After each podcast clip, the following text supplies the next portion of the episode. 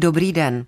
Co může pro veřejný život a obraz církví, které jsou tu 2000 nebo třeba jen 500 let, přinést jeden rok? V případě roku 2022 docela hodně. V katolické církvi se například živě diskutovalo o reprodukčních právech a rovnosti s ohledem na menšinové orientace. Stále pokračovalo napětí kolem zneužívání na církevní půdě. Velmi důležitým tématem se stala změna klimatu a s tím související ochrana životního prostředí, nebo v Čechách výměna na postu pražského arcibiskupa. Ovšem událostí, která do značné míry všechno převálcovala, je válka na Ukrajině, která se nás, středoevropanů, velmi dotýká. Jaký byl uplynulý rok po spirituální stránce a v oblasti náboženského provozu? K poslechu dnešní bilanční vertikály zve Lucie Vopálenská. Vertikála.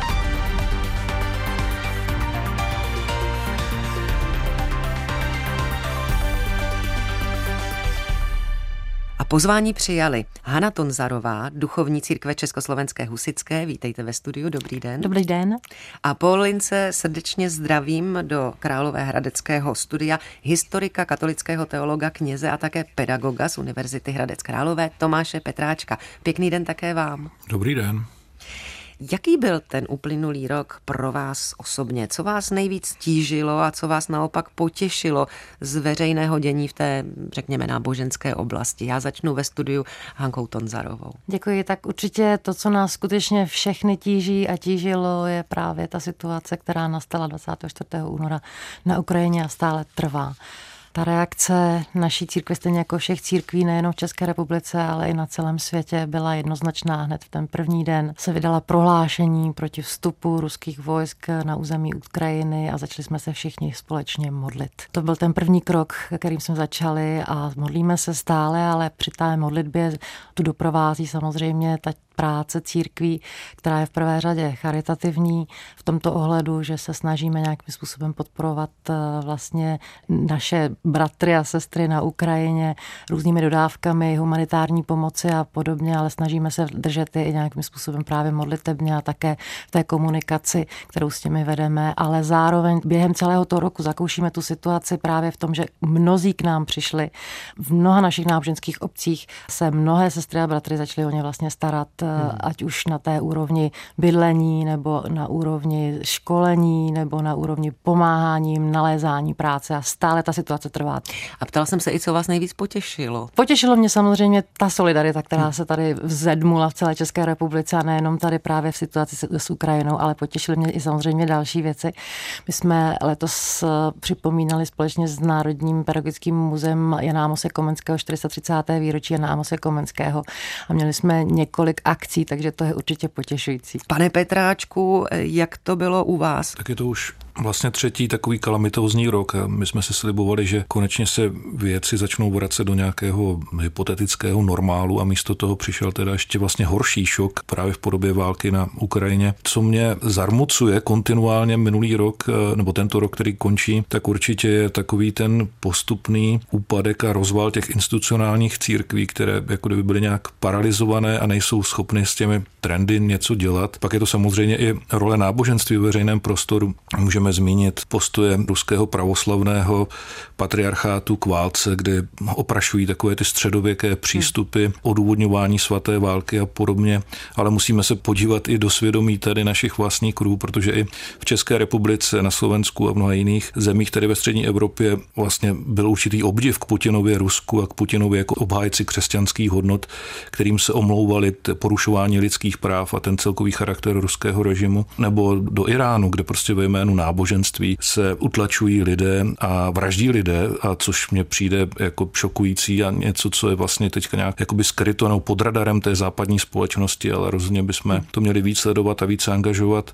Co mě potěšilo, je určitě reakce české společnosti nebo velké části české společnosti na tu ukrajinskou krizi, která ukázala, že to, co pokládáme za ty skutečné křesťanské hodnoty, jak se o nich často diskutuje, tak jsou v té společnosti mnohem víc přítomné a mnohem víc zakořeněné, přestože ten rámec symbolický už není explicitně křesťanský, ale reálně to lidé mají v sobě a teď to jednoznačně prokázali, jak přímou pomocí uprchlíkům, přímou finanční pomocí Ukrajině, i to, jak měli vlastně jasno, jak se intuitivně postavili na stranu slabšího a proti takové velké zvůli. No a pak samozřejmě jsou to ty různé místní okruhy věřících, různé společenství, farnosti, které žijí a ve kterých křesťanství a evangelium je velmi věrohodné, autentické a které rozkvétají a které jsou nadějí i pro budoucnost. Když se ještě vrátím právě k tomu hlavnímu tématu, tedy k válce na Ukrajině, tak už bylo i zmíněno, že moskevský patriarcha Kiril se svou podporou Vladimira Putina vlastně velmi výrazně propagandisticky angažoval, angažuje v této válce, vyzval k modlitbám za ruského prezidenta a armádu, tu invazi, válku nějak neodsoudil, naopak. Jak na vás osobně působí tohle církevní angažma? Je tím skutečným křesťanstvím, je vůbec slučitelné s podstatou křesťanské zvěsti? Tak je to samozřejmě velice tíživá situace. My jsme ji řešili v rámci Světové rady církví, protože letošním roce se konalo 11. valné schromáždění Světové rady církví, kde byli zástupci jak ruské pravoslavné církve, tak vlastně ukrajinských pravoslavných církví, ať už moskevského patriarchátu nebo ekumenického patriarchátu, nebo té nezávislé vlastně ukrajinské církve. Žel tedy ale neúčastnil se té panelové diskuze v rámci toho světového schromáždění nikdo z biskupů, byli to vlastně kněží, kteří diskutovali na té panelové diskuzi společně s lajky. Z biskupů se neodvážil vlastně nikdo na ten panel Z biskupů které církve? Všech církví, všech, všech, všech zmenovaných církví. To znamená, že my jsme potom samozřejmě dlouze diskutovali v rámci toho světového společenství, jakým způsobem zaujmout to stanovisko právě k této krizi i v rámci tedy toho valného schromáždění. A jedno z těch prvních tiskových prohlášení, které vzešlo právě z tohoto valného schromáždění Světové rady církví, je právě k té otázce na Ukrajině a mnozí s tím prohlášením vlastně nejsou spokojeni v tom smyslu, že není dostatečně průrazné. Ale tam ta pozice církevní je v tomto smyslu asi trošku jiná než ta politická. Tam zazněl jeden argument, že je potřeba nechat takový prostor v tom prohlášení, aby jsme stále udrželi všechny aktéry u jednoho stolu. Protože to je ještě vlastně jediná možnost, jakým způsobem ovlivňovat právě to dění. Tak je pravda, že vlastně patriarcha Kiril není jediný. On nemluví za pravoslavné věřící, Jistě. mluví především za sebe. A já mimochodem chci připomenout, že stovky ukrajinských kněží na začátku dubna letošního roku podepsali otevřený dopis, v němž vyzývají k tomu, aby Kirila kvůli jeho postojům ke konfliktu soudil církevní soud. Hmm. Zároveň i generální tajemník Světové rady církví, který s chodou okolností je také pravoslavným profesorem, tak zase Světovou radou církví ještě před tím valným schromážením kontaktoval prostřednictvím dopisu tady patriarchu Kirila a dostával ty odpovědi. Je možné nalézt na stránkách, jsou v ruštině tedy. A bohužel, jak tady bylo už řečeno, ten narrativ se stále opakuje v těch odpovědích, který vlastně je ten putinovský narrativ i v dopisech patriarchy Kirila.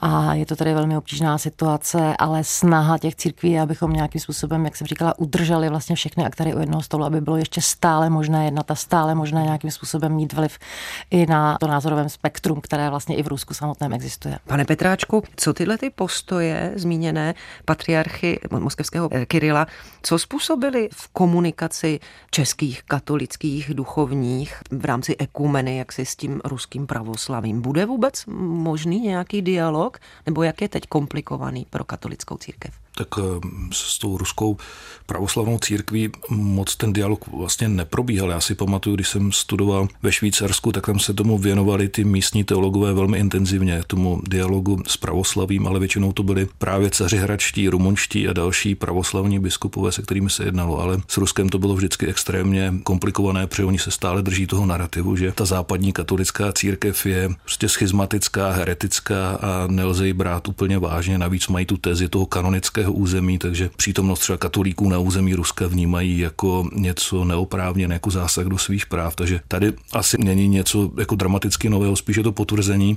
že ruská pravoslavná církev je pořád ještě jako hluboko v takových těch paradigmatech dob, které, myslím, nepatří z hlediska historie církve k těm světlejším nebo lepším. Ale možná by bylo dobré eh, se zaměřit i na, na postoje jako českých eh, církví a českých církevních představitelů, protože si můžeme vzpomenout, že třeba i pan kardinál Duka a jeho okolí tady dlouho jeli celé roky takový ten Orbánovsko-putinovský narrativ o obhajobě křesťanských hodnot, které jsou strašně ohroženy a takový ten protizápadní, protievropský diskurs.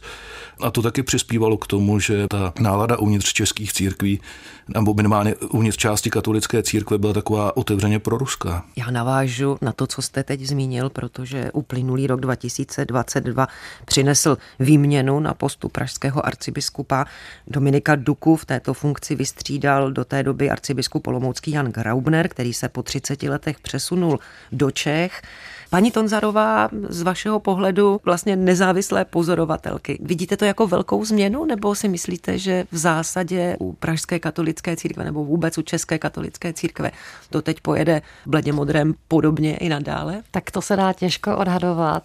Samozřejmě, že nejsem úplně ten nezaujatý pozorovatel, protože v církvích jsme všichni sestry a bratři. V každém případě s každým tím novým arcibiskupem přichází nějaký nový étos, to znamená, že my jsme vlastně v očekávání, protože že je to ještě stále z hlediska toho církevního času, je to stále ještě čerstvá záležitost a jsme sami zvědaví, jakým způsobem se bude ta situace vyvíjet. Hmm. A pane Petráčku, skončila s odchodem Dominika Duky z funkce pražského arcibiskupa nějaká pomyslná éra?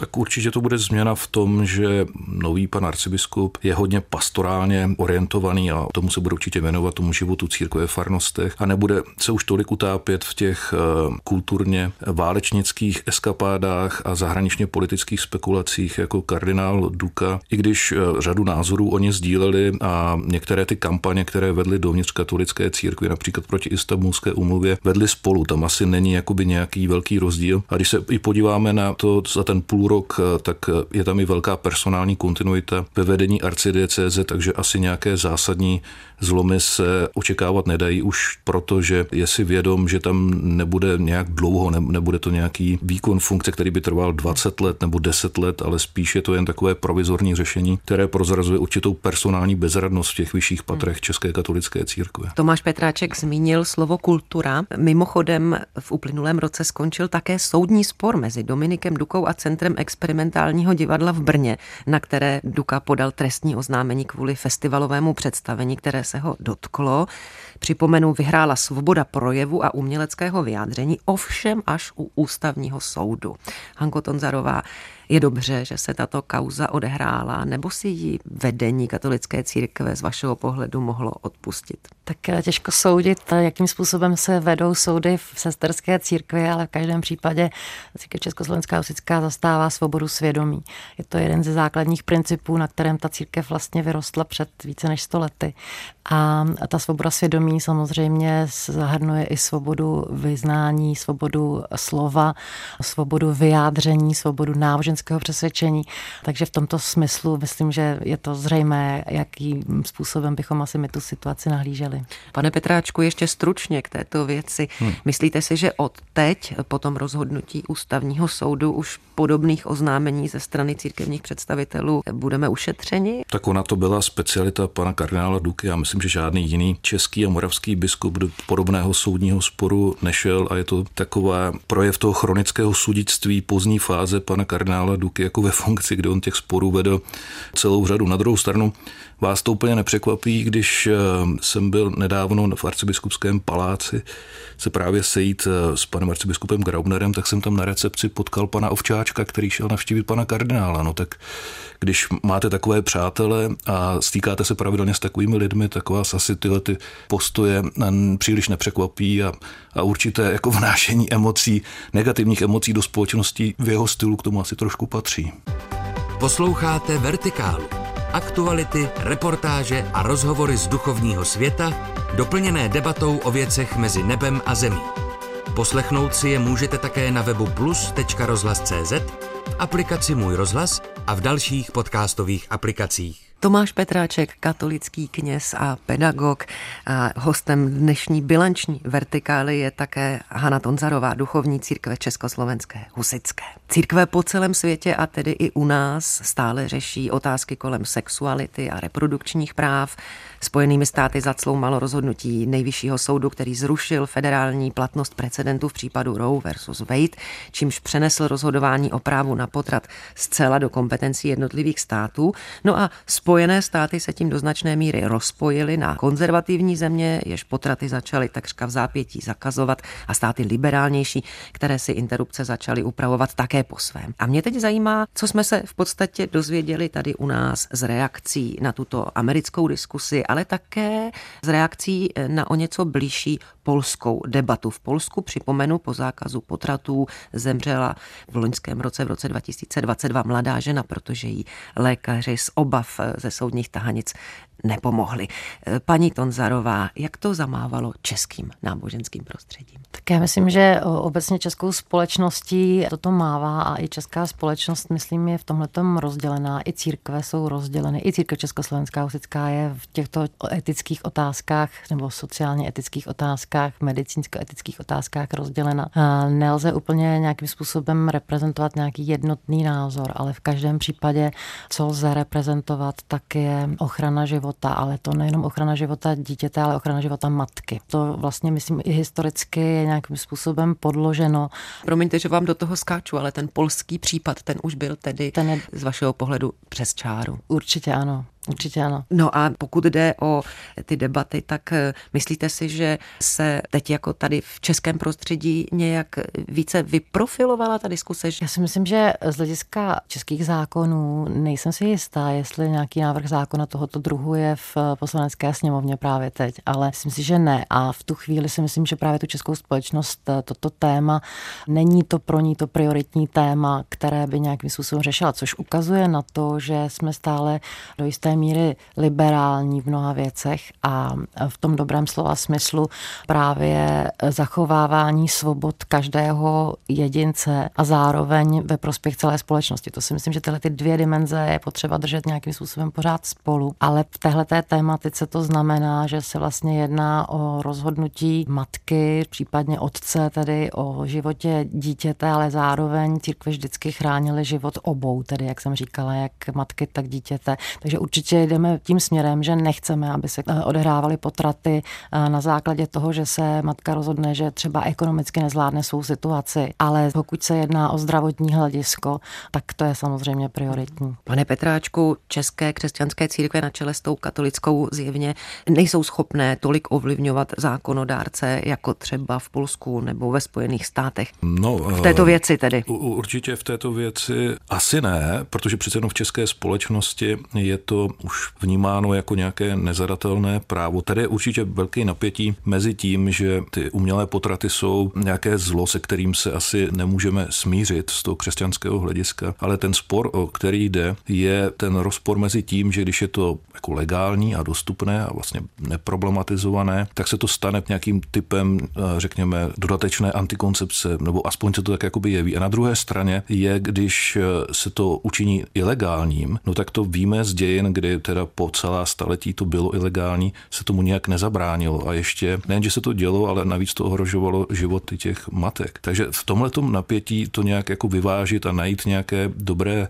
řešení je velmi těžké a mělo by to jít právě ruku v ruce s nějakou osvětou nebo nějakým hodnotovým zápasem, který zdůrazňuje, proč je to problematické a vytvářením těch sociálních podmínek pro to, aby z těch sociálních důvodů to už nemusel nikdo podstupovat, protože je to samozřejmě trauma i pro ty matky. Ale řešit to jenom jako nějakými eh, zákazy a zákony, to víme z historie, že prostě nikdy jako nefungovalo tak, jak se to ti odpůrci představují, jak to konec konců můžeme právě vidět v těch polských kauzách. Ale v tomhle ne, ale v jiných věcech si myslím, že to pokušení využít teďka takové té konzervativně pravicové většiny k prosazení určitých hodnot, které se můžou prezentovat jako křesťanské, že tady je a bude. Teď na to nemají čas eh, vzhledem k řešení těch různých konfliktů, ale možná to ještě přijde. Mám za to, že na půdě katolické církve a asi nejen se také v uplynulém roce hodně řešila diskriminace LGBTQ plus komunity. Eh, aspoň ze sociálních sítí je znát eh, jistá bolest a hořkost eh, LGBTQ plus lidí. Pane Petráčku, kam se za ten rok zdejší katolická církev v tomto směru posunula? Myslíte si, že toto téma už probublává natolik, že se bude muset klerus nějak k tomu postavit? Asi ano, protože to je jedna z věcí, které nejsou úplně jednoduše vysvětlitelné, proč se zrovna katolická církev upíná na tyhle ty typy kulturních válek a proč se má potřebu část teda české hierarchie a kléru prezentovat jako mluvčí těch konzervativních vrstev společnosti a stavět se takhle jako příkře k tomu. Bude to nějak určitě zajímavé pro nějaké psychologi, sociologi, historiky, proč zrovna se to stalo takové téma. Nicméně ten postoj je jako absurdní, měli by ze své podstaty být spíš jako na jejich straně, protože už takhle mají ten život komplikovaný a náročnější než heterosexuálové a spíš by měli ty jejich eh, práva podporovat a chránit, přesto to z nějakého důvodu nejsou schopni a ten tlak na tu změnu je určitě velký, protože třeba mezi velkou částí mladých lidí, ale vůbec jako vzdělaných věřících, prostě tyhle ty postoje už se jeví jako neudržitelné. I to, že vlastně se tam tak jako podprahově pumpuje do těch věřících a kněží, když ne přímo jako nenávist, tak minimálně takový jako silně problematický, distancovaný přístup, když jenom ten diskurs jako ty lidské přirozenosti a normality je vlastně vnitřně agresivní a odmítavý. Já tu naší eh, debatu uzavřu tématem, které je vlastně takové nad všemi těmi, o kterých jsme mluvili. Událostí, kterou na počátku loňského roku zaznamenala snad všechna média, bylo zveřejnění výsledků sčítání lidu. A z toho vyplynulo, že v České republice je polovina lidí bez náboženské víry a z té druhé poloviny poloviny věřících je nejvíce těch, kdo se nehlásí k žádné církvi. Takových lidí je teď 9% populace a znamená to nárůst o čtvrt milionu za 10 let. Mě zajímá, co se to děje, když zároveň tři nejčastěji uváděné tradiční křesťanské církve, tedy katolická, českobratorská, evangelická a československá husická, za poslední dekádu ztratili třetinu svých členů. Paní Tonzarová, Může to být tím, co opakovaně v naší diskusi vlastně naznačil Tomáš Petráček, že se církve nějakým způsobem jako instituce zadrhávají. Já si nejsem jistá, jestli se církve zadrhávají, ale myslím si, že žijeme v mediálním světě. A ten mediální svět nějakým způsobem určuje i to, jaký pohled vlastně mají mnozí potom skrze ta média právě na církve. Protože v církvích se let kdy dějí úplně jiné věci, než jak jsou mediálně prezentovány nebo které jsou zvýrazňovány médii. To nic proti médiím samozřejmě. Ale v každém případě ten život se odehrává skutečně na úrovni farností, na úrovni diecézí a na úrovni celku církve. A ty tři úrovně samozřejmě je ideální, když jsou nějaké koherenci a zároveň vlastně v subsidiaritě v tom smyslu, že tedy každá z těch úrovní ví, co má dělat a nechává práva vlastně té, které další, aniž bychom byli hierarchickou církví v tomto slova smyslu. Ale co chci říct, že vlastně na té úrovni farností, když začnou u těch farností, tak tam nepocitujeme nějakým způsobem nějaké zásadní změny. U, ubytek věřících, ubytek věřících nepozorujete. Já sama třeba, když sloužím, tak vlastně vidím jako nově příchozí. Jo? Když jsem teď sloužila, ať už v Praze nebo v jiných místech, jako v České republice, tak eh, vlastně vidím, že tam přichází noví lidé, nové rodiny. Já stále připravuji někoho na křest, na svatbu. Já říkám, to není možné, protože ty statistiky vlastně mluví tímto způsobem, když já už vlastně nevím, kam dřív skočit jako v tom smyslu. Ale samozřejmě na té další úrovni, na té celcírkovní úrovni samozřejmě řešíme nějakým způsobem ta čísla, která vychází z těch statistik. No a jak je řešíte? Tak eh, je to vlastně záležitost takzvané duchovní obrody. Když církev Československá osická před těmi stolety vznikala, tak si dala vlastně takový úkol, že naplní to současné snažení mravní a vědecké duchem Kristovým. To bylo před těmi lety a my se to snažíme nějak interpretovat v té současnosti. Což znamená vlastně nějakým způsobem zdvěhat ta témata té společnosti a nějakým způsobem jít společně s tou společností, ne se stavět jako my jsme tady církev a vy jste tady společnost, ale my jsme dohromady tady vlastně společnost, která se snaží přijít k dobrému, ať už se to týká otázek, které jsme zmínili, nebo ať už se to týká ekologické krize, kterou jsme ještě nezmínili a která hýbe také celým světem. Církve jsou zapojeny do COP27 nějakým způsobem. Dokonce už máme ze Světové rady církví manuál pro každou náboženskou obec, jak má být ekologická. To znamená, že to je to, co nějakým způsobem si myslím, že i funguje vlastně v té společnosti, že jdeme spolu a že vidíme ty problémy, které vlastně jsou společně a chceme je společně řešit a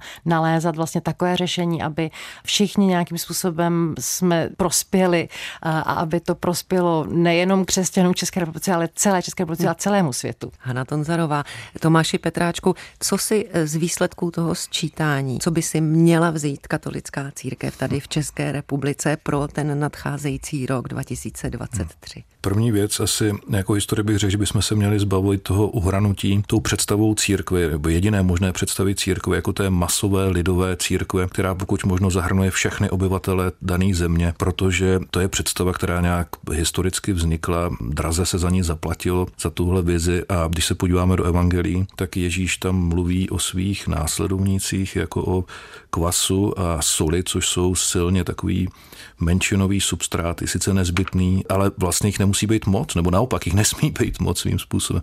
Pak nás samozřejmě trápí ten úbytek a ještě víc možná některý trápí to, že už tak jako nedominujeme tomu symbolickému a hodnotovému rámci, ale reálně ty skutečně křesťanské hodnoty, jako je solidarita, soucit, empatie, prostě všechny tyhle ty důležité věci pro křesťanství jsou v ní mnohem víc přítomný, než byly třeba v 18. nebo 15. nebo 13. století, kdy formálně byli všichni křesťané a křesťanské tradici patří i určitá skrytost. A tohle to přece je v pořádku. Tak jako mm, důležitý je, že ten evangelijní duch, že ten Kristův duch tady je, působí a my jsme to viděli jak v covidu, tak jsme to viděli teďka v té krizi okolo pomoci Ukrajině a ukrajinským uprchlíkům, že žije velmi, velmi intenzivně.